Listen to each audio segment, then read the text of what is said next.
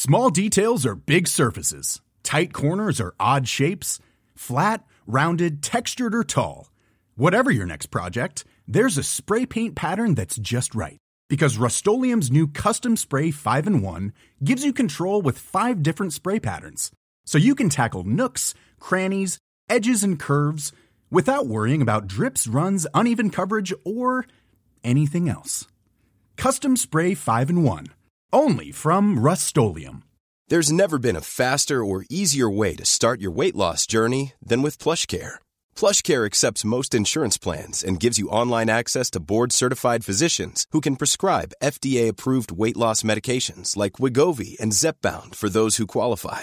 Take charge of your health and speak with a board-certified physician about a weight loss plan that's right for you. Get started today at plushcare.com slash weight loss. That's plushcare.com slash weight loss. plushcare.com slash weight loss.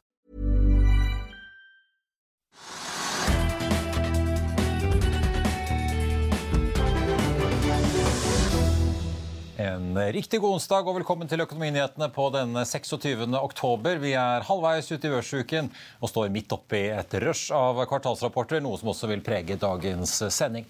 I Børsmorgen i morges snakket vi jo med sjefen i Okea om deres ferske kvartalstall.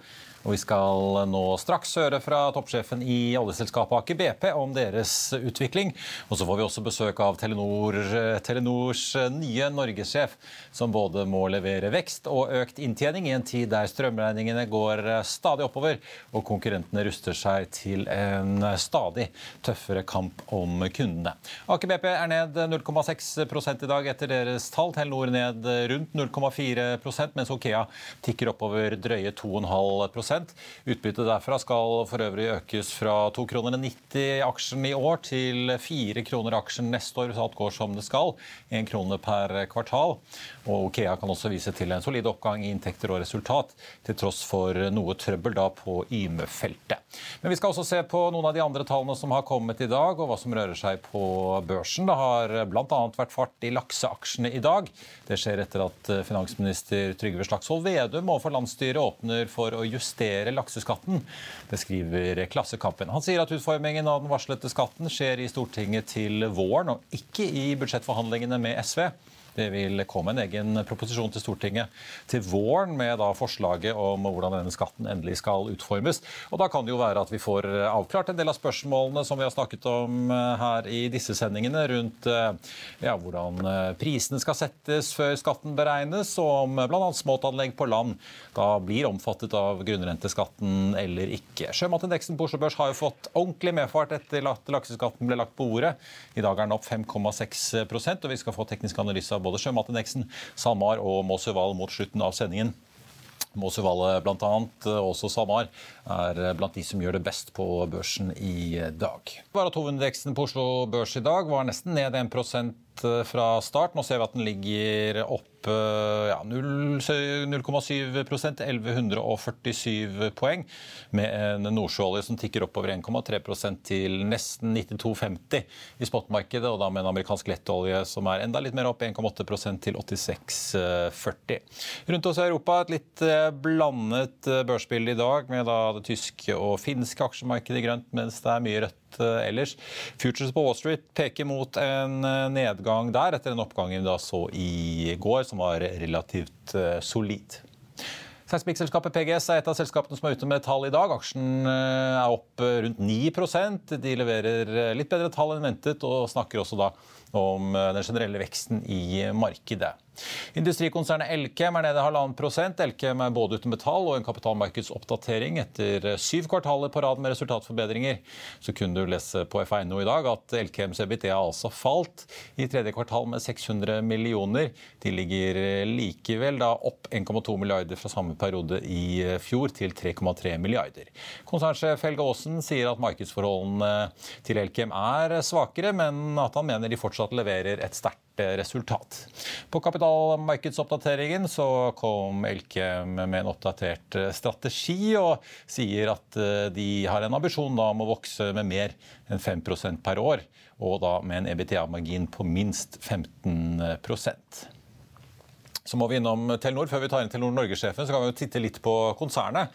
Det var jo så sent som fredag at konkurrenten Telia kom med sine tall. Der kuttet de jo guidingen sin ved at de beholdt eh, inntekt og EBTA-målene, men da uten energikostnader.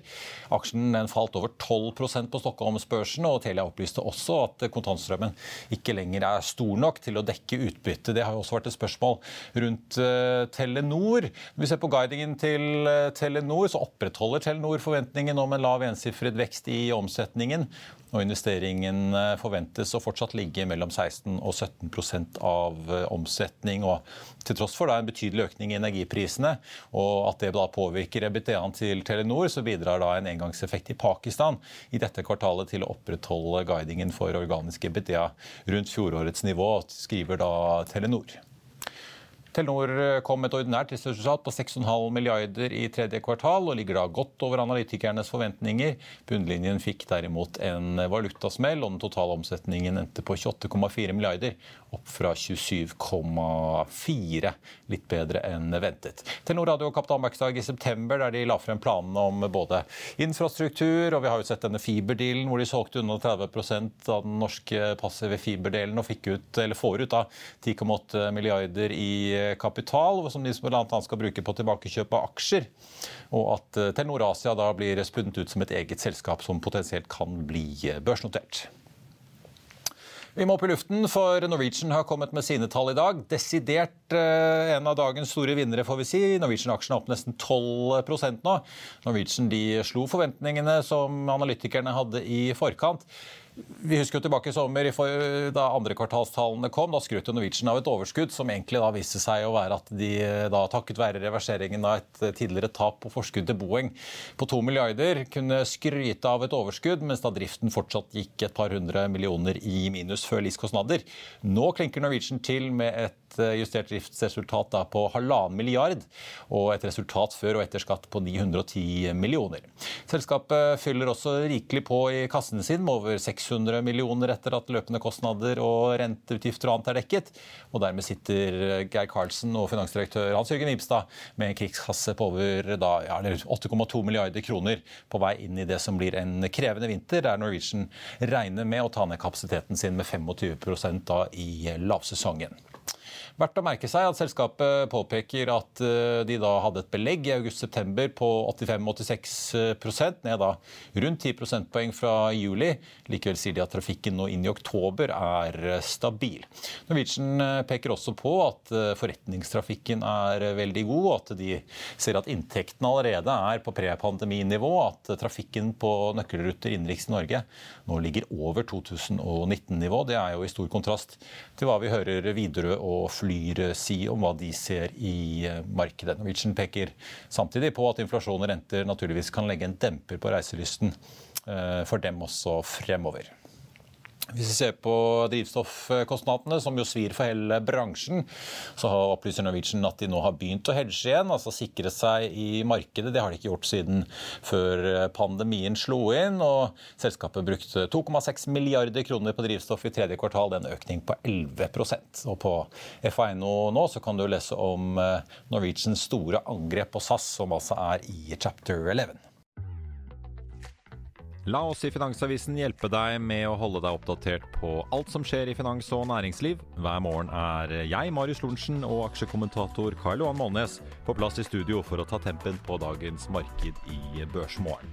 På ettermiddagen oppsummerer vi alt du trenger å vite i Økonominyhetene, og så får vi selvfølgelig besøk av masse interessante gjester.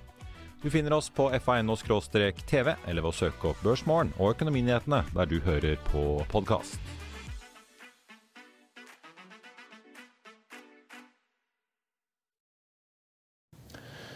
Storebrand er ned 0,4 i dag. De meldte om et eh, konsernresultat på 670 millioner mot 912 på samme tid i fjor. Inntektene falt eh, også litt. Grann. Resultat før skatt da endte på, 7, endte på 511 millioner, unnskyld, ned fra 779 på samme tid i fjor. Vi ser at eh, forvaltningskapitalen til Storebrand også har falt noe tilbake. Kitron stiger nesten 10% på sine tall. Elopak er opp opp nesten 5 på sine. Kartongselskapet økte driftsinntektene i tredje kvartal og økte også resultat før skatt fra drøye 13 til drøye 17 millioner euro. I juli så solgte jo da Elopak unna sin russiske virksomhet og måtte ta et tap på 10 millioner euro som følge av det. Da skal vi snakke olje. Vi skal til Aker BP, som leverte en EBTA i tredje kvartal på 4,5 milliarder dollar. Omtrent som analytikerne ventet. Men kanskje viktigere for deg, konsernsjef Karl Jonny Hersvik, er at dere nå har får vi si, kommet dere gjennom det første fulle kvartalet i det nye ekteskapet med Lundin, som jo gjør dere til den desidert største aktøren på norsk sokkel etter staten. Takk for at du er med oss. Du, hvordan går det får vi si, med fusjonen? Disse regnskapenes tallene er jo ikke så lett å sammenligne i og med at de har blitt veldig mye større nå som dere har slått eh, dere sammen med et selskap som eh, omtrent var like store som dere selv? Nei, og takk for det, Marius. Altså det, det, går egentlig veldig bra, eh, vil jeg si. Så, så, kanskje regnskapene ikke er det viktigste i dette kvartalet. Men, men det å ha levert en produksjonseffektivitet på 96% en god safety record og på en måte en stadig forbedring i både underliggende parametere, f.eks. vedlikeholdstimer, Eh, dokumenterer jo at det, vi har klart både å integrere selskapene og holde fokus på den underliggende drifta. Det er jo kanskje den største risikoen i sånne fusjonsprosesser. er At man mister litt fokus på den daglige drifta og bruker å bli for, konsentrert om integrasjon. Så eh, i sånn sett så har jeg lyst til å gi all mulig honnør til de som har eh, både jobbet ute i butikken hele tida, og ikke minst integrasjonsteamet. Du, dere har jo vært opp gjennom årene for de som har fulgt dere, vært gjennom noen store oppkjøp og fusjoner før, med både Maraton, eh, BP selvfølgelig, dere har kjøpt Hess eh, Norge og mange andre. Eh, men altså, har dere kontroll nå på alt som skjer? I tillegg til drift som du er inne på, så har jo dere selv i Aker BP en stor prosjektportefølje som det jobbes intenst med nå før fristen i oljeskattepakken går ut til nyttår. Og så har dere fått inn veldig mange prosjekter i Lundin, da særlig rundt Edvard Grieg-området med både Rolfsnes, Solveig 2 og, og Lilleprins Prinsen, er det vel? Ja, det er riktig. Ja da, vi har kontroll. Um, så, så, det jobbes nå langs uh, flere akser. For det første så ferdigstiller vi nå alt av tekniske studier. Modenheten i disse prosjektene, inkludert vil jeg si Lundin-prosjektene, eller eks-Lundin-prosjektene, er veldig god. Uh, noen steder er det betydelig bedre enn det vi uh, er vant til. Mens andre prosjekter, som f.eks. Exolund-prosjektene, som har ligget litt bak, har jo catcha opp nå og er på et eh, investeringsnivå vil jeg si, i, i modenhet. Så jobbes det med det som kalles procurement, eller innkjøp. Da, altså Hvordan vi skal håndtere på en måte innkjøpet. Røft i et sånt prosjekt som dette så er jo innkjøp ca. 60% av Capexen, så er det en ganske betydelig strategi. Eh, og her må vi antageligvis gjøre tilpasninger i forhold til det vi er vant til å gjøre for å håndtere bakenforleggende usikkerhet hos leverandører, underleverandører, ja, under underleverandører. Og det går jo på sånne ting som at energiprisen er vanskelig å forutsi, eh, stålpriser, sinkpriser, aluminium og diverse andre sånne makroer. Eh, og Det betyr at disse leverandørene har vanskelig for å gi faste priser på dette tidspunktet. Så nå, Vi jobber med hele den pakka der, så det er liksom prioritet to. Og Pri tre er jo nå på en måte å gjøre ferdig den økonomiske evalueringa, totaløkonomiske evalueringa, og ta opp i seg de endringene som nå har eh, kommet på bordet i eh, den midlertidige aktivitetspakka. Så, ja, for det, det, kan jeg bare ta det først? Altså med, ja, for det var, ta det først. også Politikerne ved regjeringen også kommer i tolvte time her rett før eh, fristen eh, for å sende inn eh, disse utbyggingsplanene går ut. Så kommer de og vi, vi kutter ned i, i friinntekt. Rokker det noe ved fremdriftsplanene og, og, vurderingene og sanksjoneringen av disse store prosjektene, som Wisting, Noaka, Fenris, som jo ligger i pipeline her nå? Ja, det er klart at Timinga kunne jo vært bedre, for, for å si det rett ut. Vi hadde nok ønsket oss stabilitet i rammevilkår eh, når du kommer opp til denne typen investeringsbeslutninger. Eh, når det er sagt, da, så, så vil effekten av denne skattepakka, eller denne endringen i skatten, som egentlig er en justering av friinntekten, variere fra prosjekt til prosjekt, avhengig av kapitalintensitet, produksjonsprofiler og kostprofiler. Så vi sitter midt inne i den evalueringa akkurat nå, og det er kanskje litt tidlig å, å dra konklusjonen på hvordan det kommer til å se ut. Men er det noe som vil bli skjøvet på som ikke eh, blir noe av? Vi, har jo sett Offshore Norge, bl.a. bransjeforeningen, vært ute og sagt at de ønsker seg noen måneder til eh, å utsette denne fristen pga. denne endringen.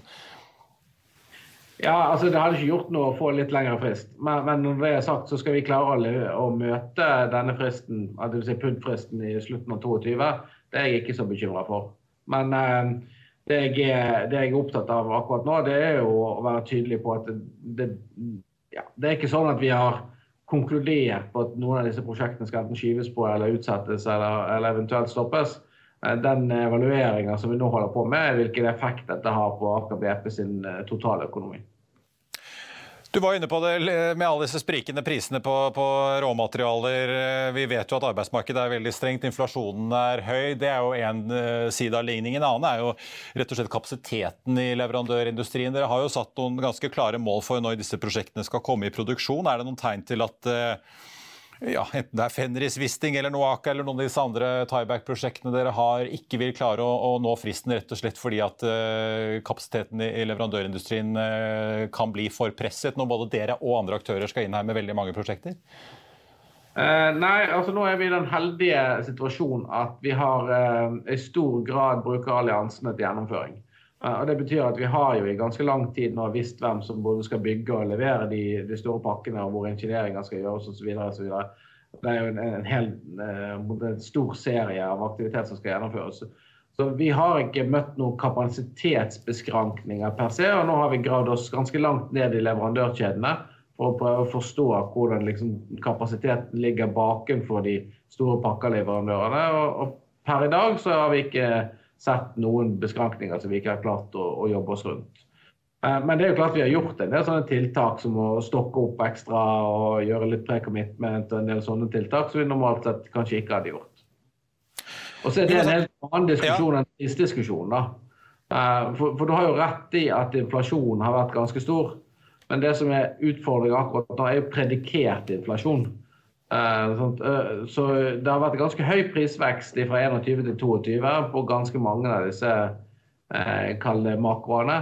Men vi ser jo at en, del av de har nå snudd på god vei ned igjen. F.eks. stålprisene har jo nådd sin topp og er på vei tilbake igjen til et mer normalt nivå. Sånn.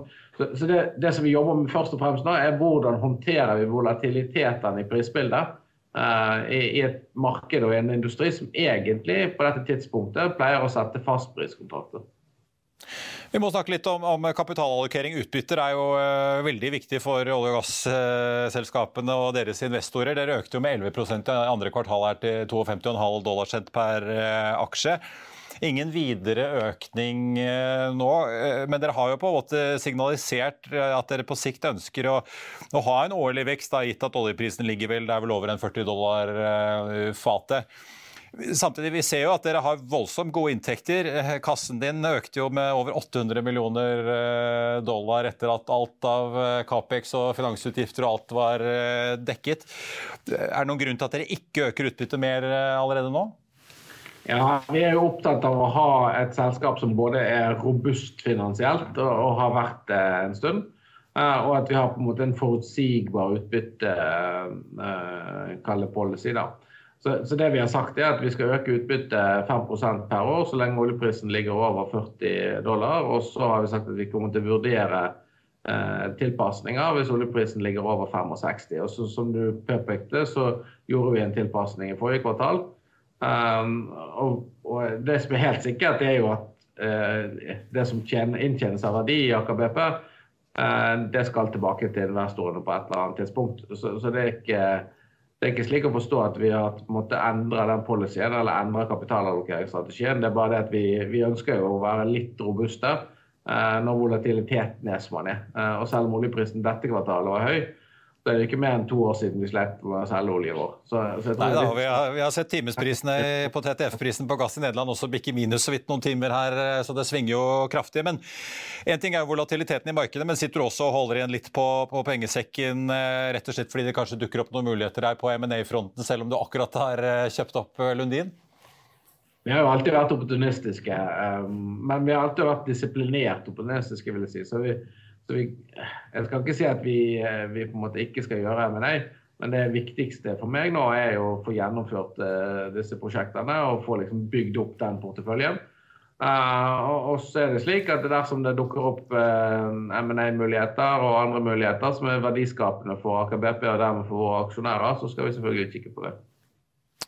Eh, for de som ordentlig fulgte med på din finansdirektørs-presentasjon, prestasjon, så er det jo såpass gode tider at dere kunne betale cash-delen av Lundin-oppkjøpet i cash uten å ta opp lån, så det sier jo litt om eh, hvor god inntjeningen er om dagen. Men til slutt, la oss ta på de litt lange brillene. Mye av grunnlaget i denne industrien og for så vidt for norsk økonomi for 2030-tallet blir jo egentlig lagt nå, for disse prosjektene dere er i gang. De må jo også suppleres av noe i etterkant, og da lurer jeg litt på både hvilke refleksjoner dere selv gjør dere for hva som skal skje etter Wisting, etter Noaka, etter Fenris, og hvilket behov det er nede i EU. Eh, altså, tidligere så har vi jo sett at det har vært møte mellom dere i industrien og den norske regjeringen med, med tanke på langsiktige gasskontrakter. Vi ser at diskusjonen i EU om eh, hvordan de skal posisjonere seg, går. Det bygges ut LNG-terminaler i, i, Tyskland. Eh, nå har du jo tatt inn Lundins gamle letersjef til å bli letersjef i det nye Aker eh, BP. men eh, har dere noe å komme med etter denne store bølgen av prosjekter, egentlig? Ja, altså Nå satser vi jo eh, hardt på leiting, eh, selv om vi har mange prosjekter. Det er et litt sånn luksusproblem at vi nå begynner å snakke om hva som skal skje etter 27. Det er jo ikke så mange olje- og gasselskaper som kanskje har den luksusen av vår størrelse. Uh, og så har vi jo gjort ganske gode funn i, år. Vi har lagt til en 50-60 millioner fat i, i nettoreserver til uh, Aker BP. vi har et like spennende leteprogram for neste år. Uh, og vi har vel um, 189 lisenser på norsk sokkel, så vi har rikelig med areal å, å, jobbe med. I tillegg så jobber vi selvfølgelig med andre organiske vekstmuligheter som IOR og andre sånne temaer òg, uh, både for før og etter, uh, etter 27. Så, så vi, vi, jobber målrettet videre vi, med å bygge selskapet òg etter 27, og ikke glemt det langsiktige bildet. Når det gjelder EU og, og gasspriser og den, den typen problematikk der, så, så jobber jo vi Eh, med eh, å selge gass nå i, eh, for gassåret etter det, det som kommer nå, dvs. Si gassåret 24. Og Der er det diskusjon om mer langsiktige kontrakter og litt andre på en måte kommersielle format, uten at jeg har lyst til å forskuttere det. da. Og så er det som du sier, der er ganske store diskusjoner om hvordan rammevilkårene skal se ut. Eh, og Det diskuteres jo både prissamarbeid og innkjøpssamarbeid og, og andre slike mekanismer, da, uten at uh, man har konkludert på det. Og så tror jeg det er viktig å si at liksom, det, er, det, har aldri vært slik at det har vært selgerne på norsk uh, kontinentalsokkel som har vært uh, motstandere for langsiktige kontrakter. Det er jo EU selv som har deregulert dette markedet systematisk, vil jeg si, siden 2015 og, og fremover. Um, og da har vi jo havnet i den posisjonen som vi nå er i. Uh, det, jeg tror det er sunt å få ned gassprisene noe uh, for å bevare langsiktigheten i det europeiske gassmarkedet. Det, det, er ganske mye value destruction og på en måte demand destruction som foregår i Europa om dagen. Ja, Vi ser jo mye industri som har måttet uh, stenge ned både innen metall og annet, og gjødsel. men ja. Bare kort til slutt, da Ser dere på en måte en varig økt etterspørsel fra Europa, gitt at uh, man ønsker å fri seg fra Russland, eller hvordan leser dere det er jo på en måte en diskusjon om her vil det komme mer, nok vekst i fornybar til å erstatte det, eller vil man uh, være nødt til å ta inn mer olje og gass fra da, særlig Norge og kanskje amerikansk LNG f.eks.? Jeg tror at eh, man vil eh, altså Under forutsetning da, at man ikke tar tilbake en russisk gass i europeisk eh, konsum, så ser jeg egentlig ikke noe alternativ til å øke gassimport enten fra Norge eller via LNG fra USA. Det, det gjør jeg. Jeg klarer ikke helt å se for meg hvordan fornybar skal erstatte hele den russiske gassproduksjonen til Europa. Karl Lonne Ersvik, eh, tusen takk for at du tok deg tid på en hektisk eh, kvartalsdag til å være med oss. Og så skal vi selvfølgelig eh, følge med og finlese PUD-søknadene når de kommer. får vi si. Det blir vel fort desember, da inn til Olje- og energidepartementet. Takk skal du ha. Vi er straks tilbake. Bokhandlere i hele Norges land, wake up! Aksjer handler ikke bare om lommeboken, men også om fremtiden og verden rundt oss. Vi drømmer alle om å bli rike i en fei. Er det ikke da bare å kjøpe og selge aksjer, Roger? Kjøpe og aldri selge. Husk, de beste pengene som investor de tjener du når du sover. Og hvis du, aksje, hvis du selger aksjer før du legger deg til å sove, ja, ja, så blir du ikke rik over tid. Det er min påstand. Aksjeskolen, levert av Finansavisen av Roger Berntsen og Alex Rosén.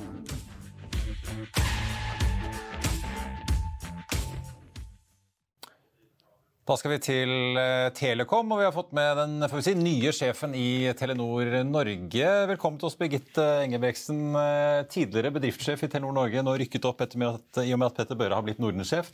Sjef for da, det som er desidert Norges største telekombedrift. Tusen takk. Jeg er så glad for at du inviterte meg til å komme hit. Bare hyggelig. Ja. Du, eh, skal vi begynne litt med tallene? Vi har sett hovedtallene fra Telenor-konsernet i dag. men Du skal slippe å svare for hva som skjer i, i, Asia og ellers rundt i Norden. Men la oss ta litt på Norge. Dere mister litt eh, mobilkunder, ned 14 eh, 000 hvis strømregningen går opp, eh, som de jo gjør for de aller, aller eh, fleste. Eh, og selv om dere får nye inntekter inn fra fiber og trådløst bredbånd, så tauer dette kobberfrafallet i bunnen eh, likevel. Fortell litt om, om, hvordan kvartalet har vært. Ja, Vi opplever jo vekst både på fiber, eh, trådløst bredbånd, som er fiber i lufta. Eh, og vi opplever også vekst på mobilinntektene våre. Og det drives av tjenester på toppen av konnektiviteten som vi leverer, og det faktum at vi reiser mer.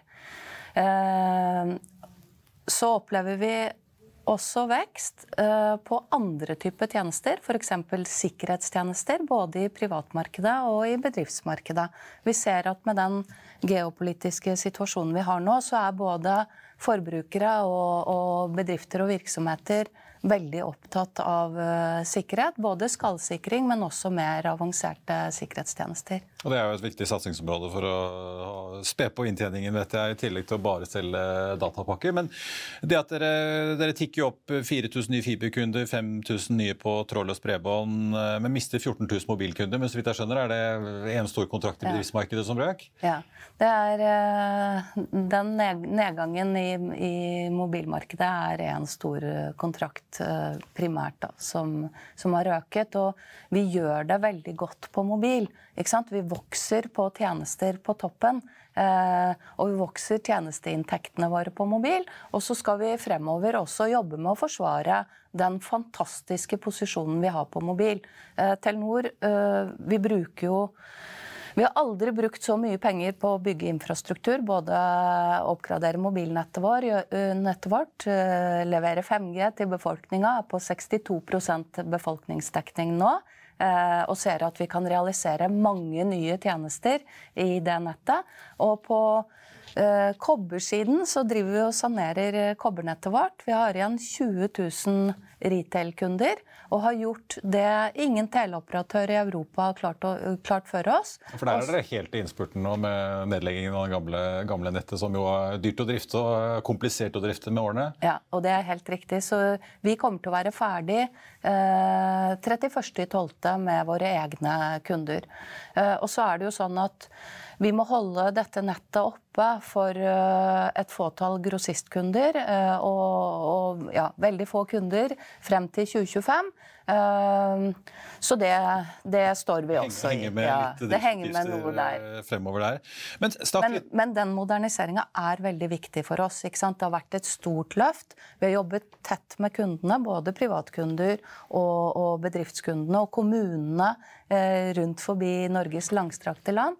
Og, og lagt mye fokus og innsats i å gjennomføre den moderniseringa, sånn at vi i enden av det også kan modernisere måten Telenor Norge er, er, eh, organisert på. Ja, Dere har jo bikket vel eh, godt over 100 000 kunder på trådløst bredbånd eh, siden den satsingen ble ut for et par år siden. 120 000. Mm. Har det blitt, ja.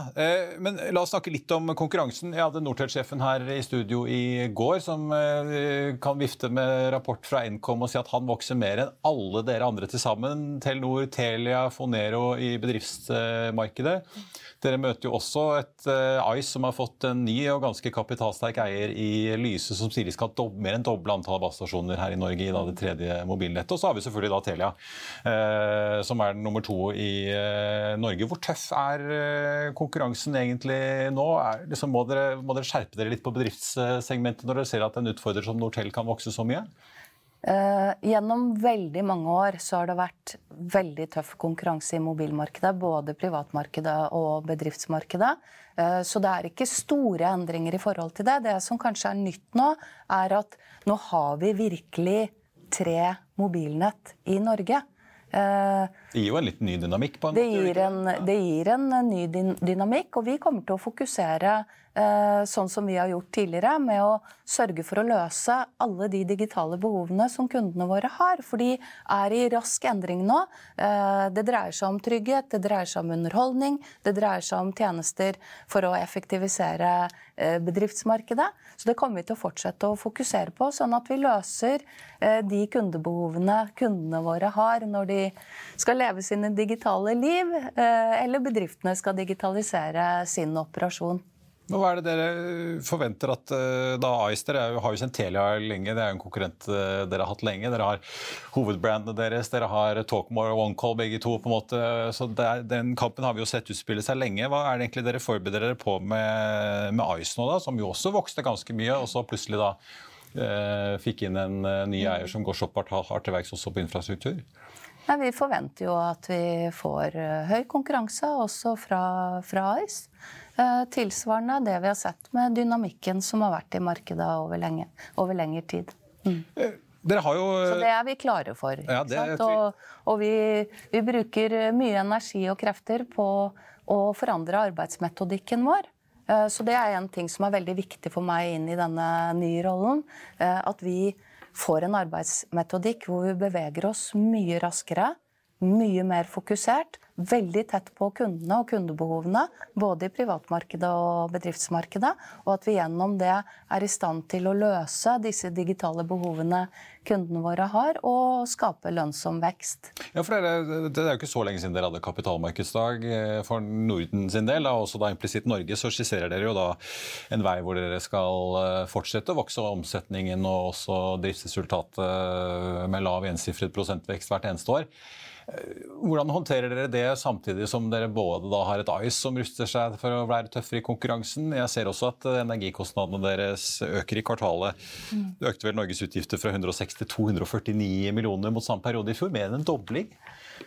Energi Du har mange ting som Ja. spiser unna på marginen din også her, da. Ja da, og, og energi både Kombinasjonen av energi og det at vi sanerer ko- kobbernettet for å få kundene våre over på mer moderne løsninger, begge de to dimensjonene treffer oss hardt. Og så er det sånn at på energisiden så har vi inngått langsiktige avtaler som uh, trer i kraft i Q4, en sånn PPA-avtale med Hydro Rein. Uh, og den vil drastisk redusere eh, kostnadene vi har knytta til energi. Og så gjør vi jo veldig mange andre tiltak på energi også. Dette kvartalet så har vi eh, redusert strømforbruket vårt. Det spises jo opp av kostnadsøkninga eller prisstigninga. Eh, men vi har redusert forbruket vårt. Vi er i innspurten av Sunrise.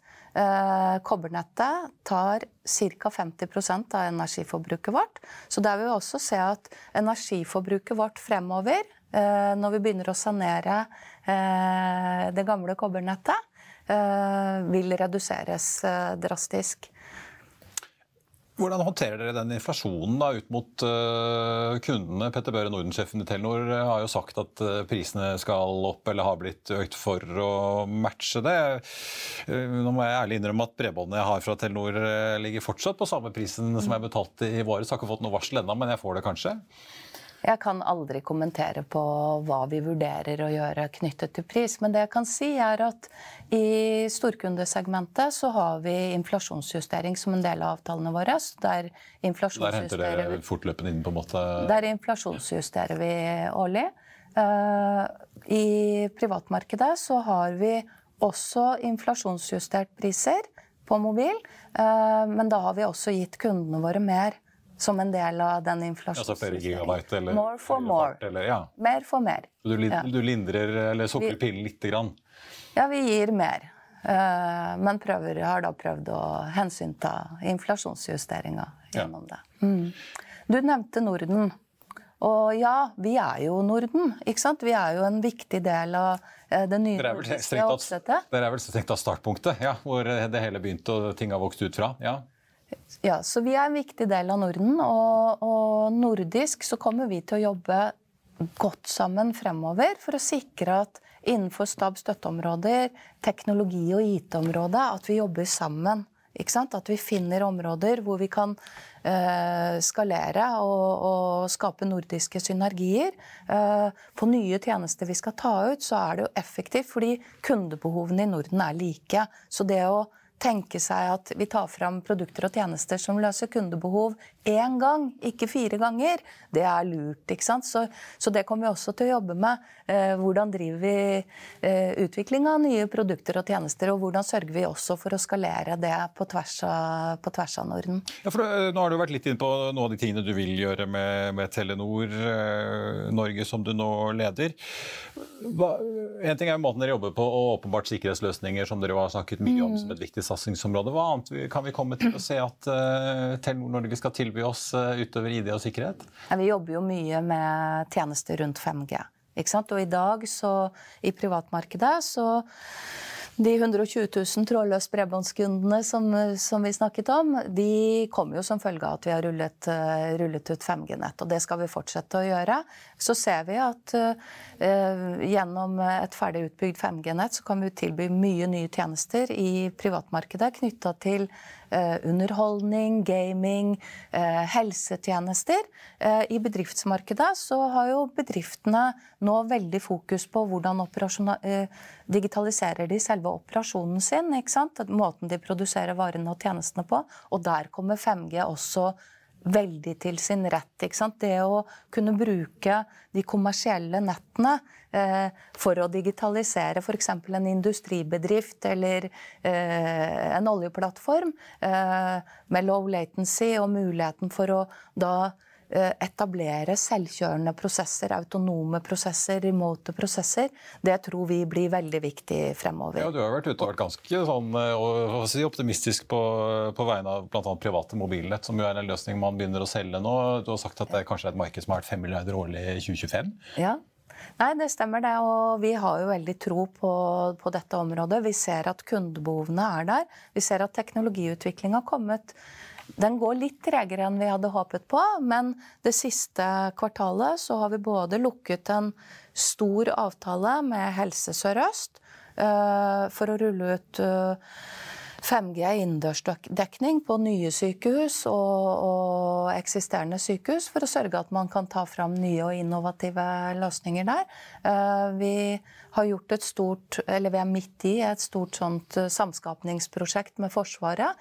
Så vi inviterte det norske forsvaret, Nato og det svenske forsvaret inn til en demonstrasjon, som er den første demonstrasjonen, så vidt jeg vet, i, i, Norge, hvor vi kunne vise en, det vi kaller en defense slice, eller en, at Forsvaret har sin egen dedikerte kapasitet i, i vårt mobilnett. Og så vet ja. jeg også at uh, det neste nødnettet er noe dere i bransjen er ganske gira på å få drive.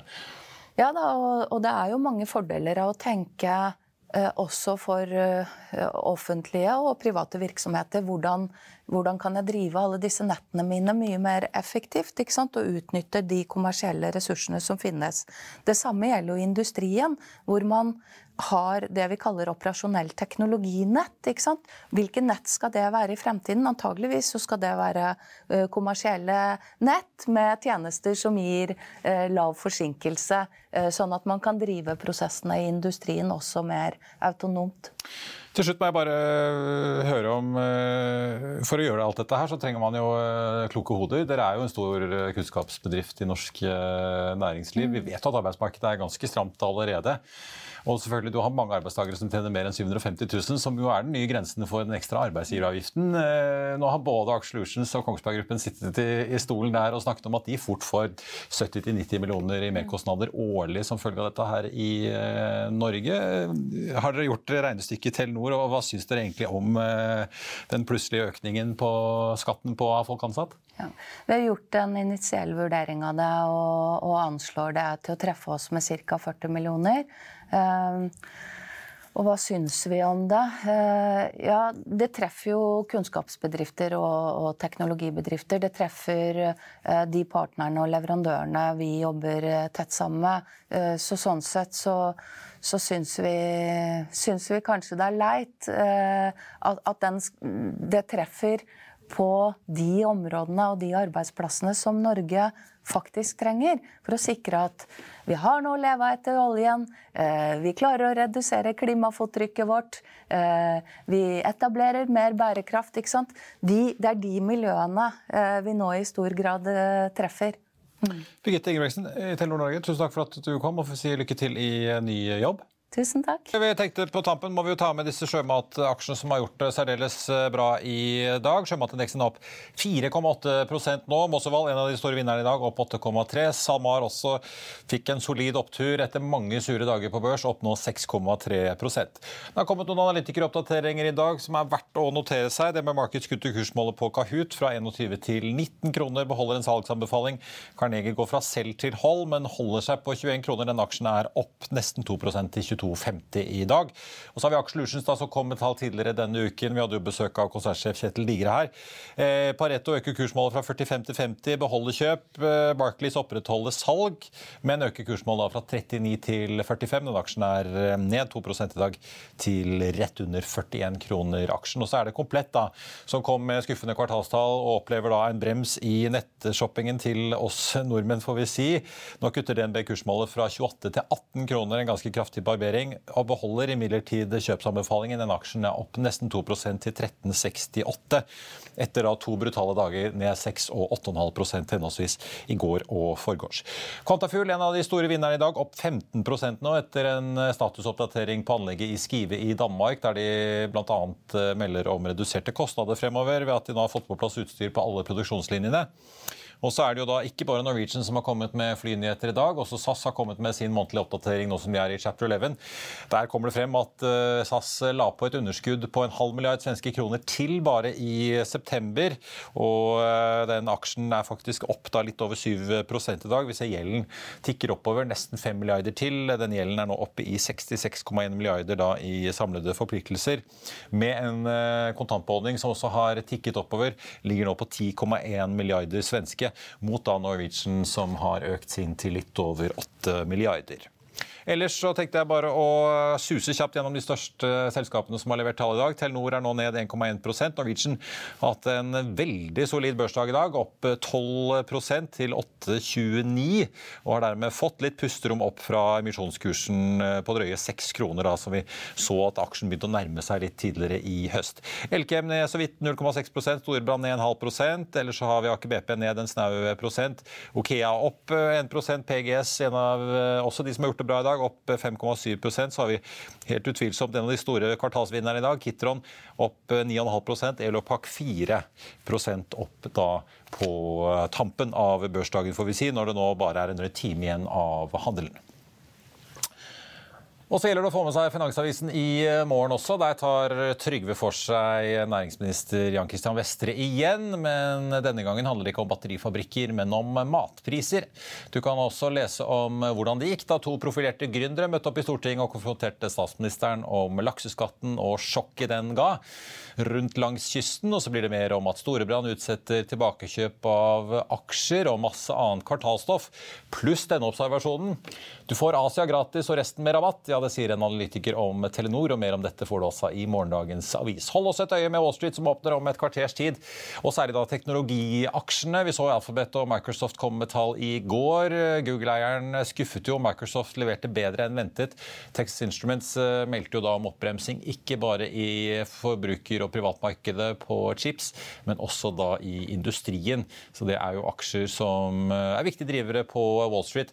Alphabet hadde jo da sin svakeste inntektsvekst på nesten ti år med et fall i annonseinntektene til eh, YouTube. I dag så kommer Meta, Facebook-eieren altså med sine tall, og så venter jo da selvfølgelig får vi si, hele verden på kvartalstallene fra Amazon og Apple i morgen.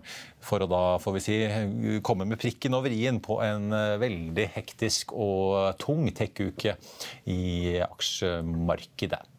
Det var vår sending på denne onsdag 26. oktober. Tusen takk for at du så eller hørte på. Vi er tilbake igjen i morgen tidlig 08.55 Børsmorgen. Da har vi med oss investeringsdirektør Robert Ness i Nordea og skal bl.a. ta for oss tallene fra XXL og Schibsted, Orkla og alle de andre som kommer med tall i morgen. Og Så er vi tilbake igjen også klokken 14.30 med Økonominyhetene. Da får vi besøk av Vår Energis konsernsjef Torger Rød etter at de kom med tall da i går.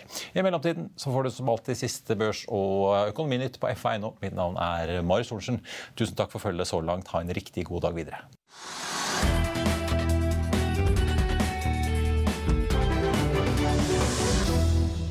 Økonominyhetene er en podkast fra Finansavisen. Programledere er Marius Lorentzen, Stein Ove Haugen og Benedikte Storm Bamvik. Produsenter er Lars Brenden Skram og Bashar Johar. Og ansvarlig redaktør er Trygve Hegnar.